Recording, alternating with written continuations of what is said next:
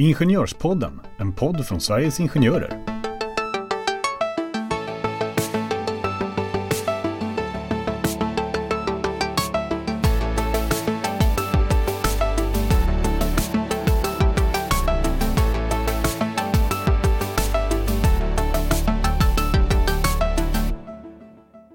Välkomna tillbaka till höstens första avsnitt av Ingenjörspodden. Med mig här i studion har jag i vanlig ordning min eminenta poddpartner och tillika faktiskt chef Magnus Bäckström. Varmt välkommen! Tack så mycket Jenny! Har du haft en bra sommar? Ja men det får jag väl ändå säga att jag har haft. Mm. Det har varit eh, både lite varmt och lite kallt. Eh, och omväxling förnöjer ju. Nej men så är det ju, som sig bör. Du, eh, sist du och jag poddade, det var ju faktiskt några månader sedan. Det var ju innan sommaren. Mm, Så satt ju vi och pratade om eh, nya LAS. precis. Tror jag också att vi döpte kanske avsnittet till. Och då pratade vi ju om de nya regler som skulle träda i kraft här Mm. 1 oktober 2022. Vilket vi ju snart har eh, nått fram till. Precis, jag tror kanske till och med att när, när ni lyssnar så kanske det redan är 1 oktober 2022. Eh, men då tänkte ju vi att vi skulle ha en uppföljning och eh, vi skulle ju då prata om det nya huvudavtalet och det är det vi ska ägna Precis. oss åt idag. Men eh, jag tänkte att vi ändå ska sammanfatta. Ni får givetvis om ni inte har lyssnat så lyssna gärna tillbaka. Men för er som inte har lyssnat och Mm. även kanske för oss eller lite för mig i alla fall ska jag säga så ska jag försöka sammanfatta lite bara av det vi pratade om eftersom vi kommer att tangera det sen när vi pratar om huvudavtalet. Och, och då skulle jag vilja säga först Mm. och främst då kanske att eh, när vi pratade om nya LAS så är ju det också saker som eh, man har kommit överens om i Mm. huvudavtalsform och som har förts in i anställningsskyddslagen på grund av parternas överenskommelse. Mm. Så mycket av det som, som har blivit lag eh, em, emanerar ju från partsöverenskommelsen mellan Svenskt Näringsliv och PTK. Mm. Så du menar att de eh, är, liknar varandra? Ja, Ja, men vi kör igång med en liten kort sammanfattning. Eh, vi kommer som sagt inte gå in på alla dessa delar utan jag tänkte att jag på ett pedagogiskt sätt ska rapa upp dessa, mm. Eh, dessa punkter som vi berörde. Och då kan man väl säga så här att först och främst tog vi upp begreppet saklig grund. Mm. Eh, det begreppet helt enkelt som har funnits tidigare som nu har ändrats till sakliga skäl. Och eh, eh, där, och, saklig grund är ju någonting som man ska ha för en uppsägning både vid arbetsbrist och personliga skäl. Mm. Och då kom vi fram till kortfattat att det inte verkade vara några större skillnader mellan dessa begrepp. Men vi, vi kommer tillbaka till det kanske lite senare. Ja, vi kom väl fram till att vi har lite svårt att sätta fingret på Ja. vad skillnaden är. Även om vi misstänker att eh, det föreligger någon form av skillnad där. Precis. Eh, sen så eh, berörde vi omplacering där vi konstaterade att det nu räcker med en omplacering när man pratar om just samarbetssvårigheter och personliga skäl. Där det tidigare kanske har eh, inte funnits uttalat att det bara behövs eh, ett omplaceringserbjudande utan det kan ha krävts från arbetsgivaren att kanske försöka lite mera än vad det verkar nu. Ja, kanske. Eh, Å andra sidan så tror jag att eh, det inte heller är någon Större. Jättestor förändring. Eh, när man pratar om, om eh, uppsägningar så brukar man ju också alltid och det är, inget, det är inte förändrat. Arbetsgivaren måste vidta mindre ingripande åtgärder före det att arbetsgivaren går till uppsägning. Och även om det är en uppsägning av personliga skäl så har arbetsgivaren en skyldighet att vidta de åtgärder som, som, som liksom eh, i- krävs för att anställning, den anställde ska kunna behålla sin anställning eh, och många gånger kan ju det vara en omplacering. Mm. Eh, och huruvida man i en sån situation hade varit tvungen att omplacera ytterligare en gång eller en tredje gång det är väl inte särskilt eh, självklart Nej. kanske. Ja, det var lite om omplacering. Vi kanske kommer tillbaka till det. Vi får se här. Vi ska ju binda ihop det här på ett bra sätt tänker vi sen med nya, nya huvudavtalet då. Men, men vi fortsätter lite med bara en sammanfattning av det förra avsnittet helt enkelt. Ja, eh, det som tidigare var så då att om arbetsgivaren eh, har sagt upp och facket har drivit en eh, ogiltighetstalan då har det varit så tidigare att anställningen har bestått under hela tvistetiden och det är ju nyheter nu att nu kommer det inte vara så längre utan under förutsättning att det finns en ogiltighetstalan så kommer anställningen inte längre bestå under tvistetiden. Nej, den kommer upphöra när vid uppsägningstidens utgång. Precis och det är ju eh, en relativt stor förändring och utifrån den förändringen kan man väl säga mm. så har det ändå eh, finns det lite andra förändringar också och det är ju att man nu då har rätt till a-kassa istället under tvistetiden. Mm. Under eh, förutsättning att man driver en ogiltighetstalan. Precis och det är, är den förutsättningen som är den viktiga kan man säga. Och sen mm. kan man väl också säga att man har höjt de allmänna skadestånden för arbetsgivare om det visar sig att man har sagt upp utan att ha då sakliga skäl. Mm. Eh, så.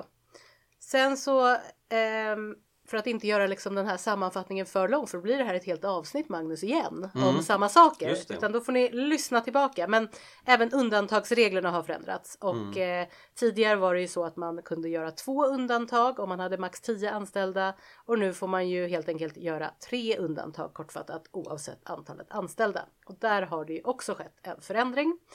Och sen så pratade vi lite om hyvlingsreglerna, ska inte gå in så mycket Nej, på det. det kan vi lämna det här tycker jag. Är man intresserad av det så får man lyssna på det föregående man... avsnittet. Ja, och sen så sist men inte minst allmän visstidsanställning byter då till särskild visstidsanställning begreppet.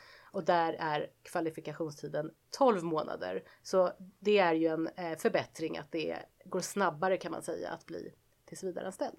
Precis. För att eh, förenkla det hela lite. Ja, det var en väl, jag, jag, hoppas att den var en kort sammanfattning men den kändes ganska lång. Eh, det vi ska prata om idag Magnus det är mm. ju då huvudavtalet som har tecknats mellan Svenskt Näringsliv och PTK. Och eh, för er som arbetar på arbetsplatser som inte har kollektivavtal där kommer ju lagens regler att tillämpas. Men om det är så att ni har kollektivavtal då är det ju det här så kallade huvudavtalet som ska tillämpas. Mm. Och det ska precis som lagen börja tillämpas från 1 oktober 2022. Precis. Mm. Eh, och, och, då vi... kan man ju tänka sig, ja. oj vad krångligt, vad mycket som skiljer ja. sig åt här nu då. Eh, blir det både lagreglering som man ska tillämpa i vissa situationer och huvudavtalet i andra. Men, eh, och, och, så kan det ju förvisso bli, men, men så här i, initialt i alla fall så tror jag inte att det blir så mycket eh, skillnader. Nej. Men det finns en del skillnader och, och de skillnaderna handlar väl framförallt om turordningsregelverket. Det handlar om att man eftersom man nu genom den nya lagstiftningen har gjort eh, sakliga skäl-begreppet dispositivt, det vill säga att arbetsmarknadens parter kan komma överens om vad som ska utgöra sakliga skäl på huvudorganisationsnivå. Mm. Det vill säga i det här fallet då PTK, LO och Svenskt Näringsliv kan komma överens om att eh, fylla det här sakliga skälbegreppet med innehåll. Eh, och det har man i viss mån gjort.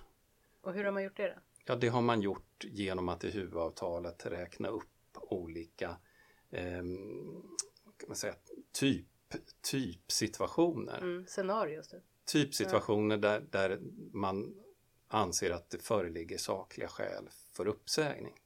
Sen om det i sig har blivit någon stor förändring i förhållande till vad som var saklig grund för uppsägning. Mm. Ja, det är inte säkert, Nej. tänker jag. Men i viss mån kanske det har skett någon, någon justering. Men det här är väl ett sätt för parterna att få någon typ av nystart. Sen behöver ju det det kan ju gå åt båda hållen såklart men eh, det återstår väl att se då kanske hur det utkristalliserar sig. Precis. Mm. Um, om, tidigare pratade jag ju när jag, när jag försökte sammanfatta här om den här nya regeln att anställningen inte består under tiden som parterna tvistar mm. om det är så att facket har gjort en ogiltighetstalan. Mm. Och då fanns det ju också som jag sa nya regler om ändå a-kassa vilket är ju meningen då att man ska inte stå utan någon form av ersättning under tiden man tvistar utan man, man ska kunna få a-kassa. Och eh, eh, det finns då ska man också säga även kompletterande regler i just huvudavtalet där man då får ytterligare ersättning eh, från TRR. Så att där kan man väl säga att det är ju någonting positivt om man då arbetar på en arbetsplats som har kollektivavtal. Mm. Då kan man bli kompenserad eh, ytterligare för det fall att facket driver en ogiltighetstalan om du har blivit felaktigt uppsagd. Precis. Och i annat fall så får man ändå ersättning från a-kassan men inte lika mycket då. Nej, och där vet jag att eh, bland annat Sveriges Ingenjörer men även andra fackförbund också står i begrepp att teckna försäkringar som innebär att om man inte omfattas av det här avtalet så ska Mm. man kunna ha samma möjlighet att få Mhm. en eh, tilläggsersättning i, i just den här situationen. För det fall att man då är eh, medlem i ett fackförbund. Ja, Mm. eh, men inte omfattas av eh, det här UV-avtalet som ju inte gäller på alla arbetsplatser Nej, utan och i alla situationer. Ja. ja. Ehm, men du Magnus, en av de stora förändringarna i huvudtalet som du precis sa, det är ju just, och det är väl det det har varit mycket debatt om också, det är ju just de här turordning och avsteg från turordning och undantag och det är ganska många begrepp. Eh, kan inte du eh, på ett pedagogiskt sätt här nu försöka reda i den röran tänker jag, vad är vad och i vilken ordning börjar man? Vad betyder avsteg från turordningen? Och, Mm, vi kan väl börja i den änden. Ja. Eh, och, och det är ju inga, inget annat än, än vad det betyder enligt lagen. Och du nämnde ju nu att man har som arbetsgivare möjlighet att undanta tre personer från Mm. turordningen. Och enligt, eh, enligt eh, huvudavtalet så har man möjlighet att undanta fler personer än tre från turordningen. Mm. Eftersom man kan undanta typiskt sett eh, tre tjänstemän och tre arbetare från huvudavtalet. Mm. Eller från turordningen Mm. en eh, i en arbetsbristsituation. Eh, Men att undanta innebär ju inte att man pekar ut vilka som eh, ska få sluta anställningen utan det handlar om att man, arbetsgivaren kan välja att behålla, Mm. i det här fallet då, sex individer oberoende av deras egentliga plats i turordningen. Eh, Så att om arbetsgivaren gör, anser att du är av särskild betydelse för den fortsatta verksamheten vid arbetsplatsen så kan arbetsgivaren välja att undanta dig från turordningen och, och på det sättet så behåller man en sån individ i anställning. Och kommer det vara på samma sätt som tidigare gällde ju den här regeln för eh, ganska små företag med max 10 anställda. Mm. Och då pratar man ju också om det här eh, särskild vikt för fanns den det fortsatta. två undantag eh, Precis. för dem och, och den här regeln fungerar ju precis på samma sätt så att Det är samma bedömning, det är det som är min det fråga. är arbetsgivaren själv Ja. som gör den här bedömningen. Mm. Sen får inte arbetsgivaren kanske göra den bedömningen diskriminerande eller i strid med Mm. god sed på arbetsmarknaden men i huvudsak Mm. så är det så att det går inte rättsligt ifrågasätta arbetsgivarens val. Mm. Eh, Det är arbetsgivaren själv som avgör vem eller vilka som är eh, enligt arbetsgivaren av särskild betydelse för den fortsatta verksamheten. Men hur är gången då? Vart, vart börjar man någonstans? Alltså de här, eh, börjar man titta i lagen? Börjar man titta i huvudavtalet? Hur ska man tänka? Nej men alltså man måste ju vara medveten om huruvida man är bunden av huvudavtalet eller inte. Mm. Eh, och, och är man det då tittar man i huvudavtalets Mm. regler för arbetsbrist. Eh, Är man inte det så, så måste man förhålla sig till lagens regler om arbetsbrist. Mm. Och nu befinner vi oss ju i huvudavtalet. Ja. Eh, för det är det vi ska fokusera på nu. Och då är man en privat tjänsteman eh, som arbetar på en arbetsplats som har kollektivavtal. Eh, och eh, då måste man förhålla sig till huvudavtalets regler om arbetsbristuppsägningar. Mm. Och, och, och då kan man väl säga att huvudavtalet utgår från att, att man, arbetsgivaren och arbetstagarparten ska komma överens om vilka som ska eh, sägas upp i en, upp, i en eh, neddragningssituation genom att eh, teckna avtalsturlistor. Mm. Det är ganska tydligt om man, om man läser i huvudavtalet att det är en tänkt ordning att man under förutsättning då att man ändra parten gör bedömningen att nej men, för verksamhetens bästa så behöver vi frångå turordningen som Mm. annars skulle ha gällt. Då ska man diskutera det parterna emellan och så ska man, om man kan dela den uppfattningen, eh, träffa ett avtal som innebär att man enas om vilka som, som kommer att bli uppsagda på grund av arbetsbrist. Mm. Och om man inte kan hitta en sån eh, enighet i en förhandling, då blir turordningsreglerna eh, intressanta. Mm. Och då är det turordningsreglerna enligt huvudavtalet. Ja. Så då kommer man titta på de här undantagen som beskrivs i Då kommer man titta på undantagen som beskrivs i, huvudavtalet och man kommer att eh, behöva tillämpa dem istället för, för lagens undantagsmöjligheter. Mm. Och hur mycket vill du gå in på? För vi ska väl inte gå in kanske helt. De här undantagen, de är ju inte. De är ganska många och eh, de, de in, lämpar sig inte helt för ett kortare poddavsnitt. Så kan vi säga. Men mm. det vi kan göra lite reklam för om ni är förtroendevalda och lyssnar. Eh, gå gärna in på PTKs hemsida och anmäl er för där finns ju kurser att gå som är specifikt just bara om arbetsbrist och eh, hur man förhandlar eh, turordning. Jättebra eh. kurser skulle jag säga mm. som man som förtroendevald absolut bör anmäla sig till och gå. Och jag vill också säga i, i samband med det, för jag håller med dig om att det här kanske inte är ett regelverk som lämpar sig att beskriva i en podd. Nej. Inte så kort, inte så detaljerat i alla fall. Nej, men det blir rätt lite rörigt och man mm. behöver nog faktiskt se framför sig mm. lite exempel mm. på hur de här situationerna ser ut.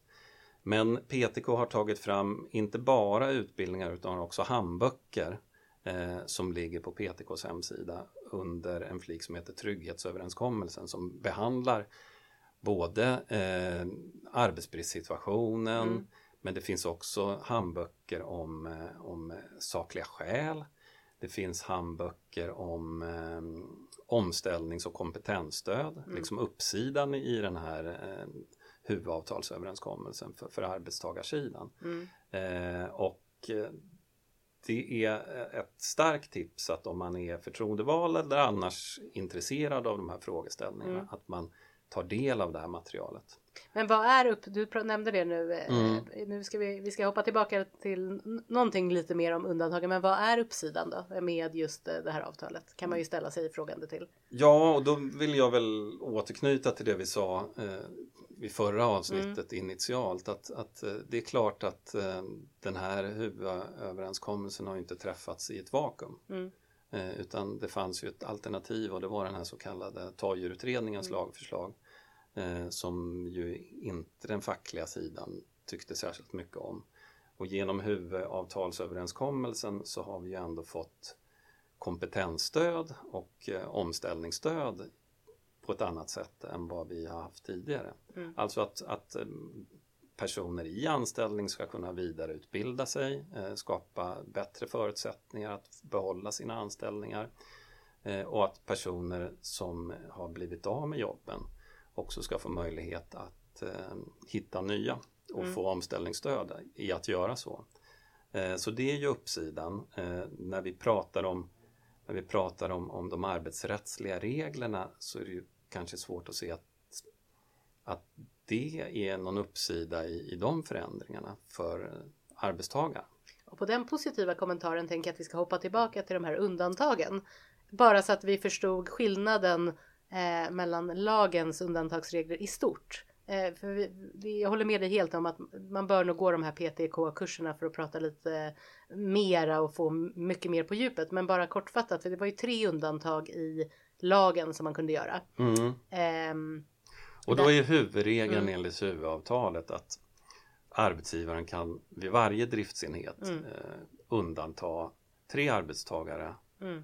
Eh, eller tre arbetare och tre tjänstemän. Det. det. vill säga det dubbla antalet då, mm. i förhållande till, till, hur det ser ut enligt lagen. Mm. Så, men, men, det finns också andra regler. Ja. För arbetsgivaren kan till exempel om man bara har en driftsenhet mm. Då kan arbetsgivaren undanta fyra arbetare och fyra tjänstemän. Eh, och redan nu blir det ju lite mer komplicerat än Precis, men skulle man då inte kunna säga bara för att eh, göra det så eh, eh väldigt simplifierade då, men med huvudavtalets regler så verkar man ju kunna vara mer flexibel eh, när det gäller undantagen än i lagens regler. Man får typiskt sett göra fler undantag. Ja, eh, och, och, och, priset man har fått betala för det som mm. arbetsgivare det är att man har varit mer generös med kompetens och omställningsstöd. Mm. Där tycker jag du sammanfattar det mycket bra. Men du Magnus, är det någonting mer som du vill nämna när man just pratar om eh, arbetsbristförhandlingar och turordning när vi just nu har pratat om just huvudavtalet? Mm, det kan, förutom då att, att eh, turordningsreglerna är lite speciella och relativt matematiska och att det kan vara en god idé att eh, studera det här materialet mm. som vi varit inne på några gånger så, så utgår man också ifrån i huvudavtalet att arbetstagarparten, tjänstemännen, ska förhandla ihop. Mm. Eh, att man ska så att säga ha, eh, bilda någonting som, som benämns PTKL.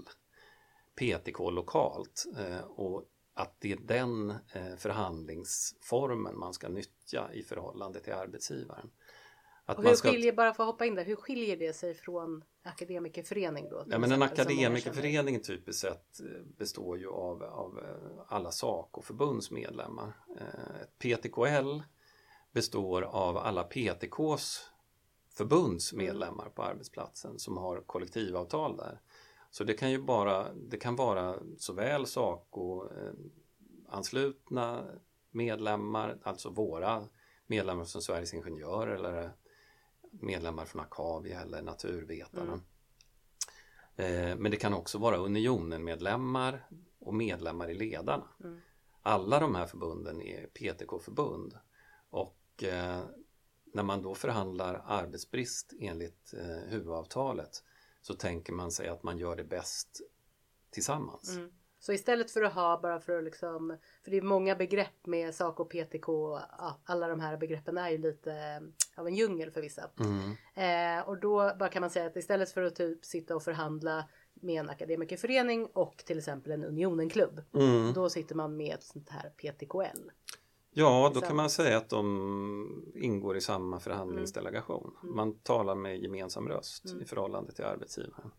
Eh, och, och, det där blir ju viktigt om man betänker att de undantag som ska göras, som vi har varit inne mm. på, som arbetsgivaren får undanta, det är ju tjänstemän. Mm.